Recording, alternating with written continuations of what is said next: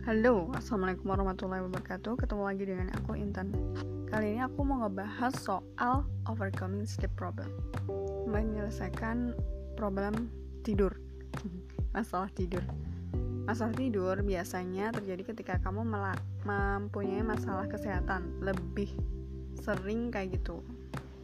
Orang yang mempunyai masalah kesehatan lebih mudah mengalami insomnia, kualitas tidur yang menurun, dan lemes. Hal ini akan memberikan pengaruh besar dalam kehidupan sehari-hari. Berpengaruh pada moodmu, aktivitas, dan pandangan hidup. Berdampak juga pada rasamu. rasamu yang semakin memburuk. Um, masalah tidur tuh ada banyak loh. Dari mulai yang bermasalah dalam memulai tidur kayak sebenarnya jam 10 udah mau niat mau tidur tapi nggak bisa tidur. Jadi alhasil jam 1 baru bisa tidur. Bermasalah dalam mempertahankan tidur. Jadi kayak semisal kamu udah tidur tapi itu kayak kebangun-bangun gitu loh. Bangun terlalu pagi jadi semisal kamu udah tidur tapi jam 2 kebangun dan gak bisa tidur lagi. Kayak gitu. Terus kualitas tidur yang buruk jadi kamu tidur tapi pas bangun-bangun tuh nggak seger sama sekali. Itu kualitas tidurnya yang buruk. Penyebab masalah tidur ini disebabkan oleh masalah fisik.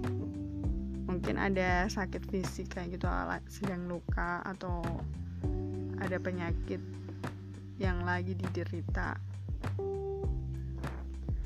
Uh, moodmu yang yang lagi nggak bagus dapat membuat susah untuk tidur dengan baik.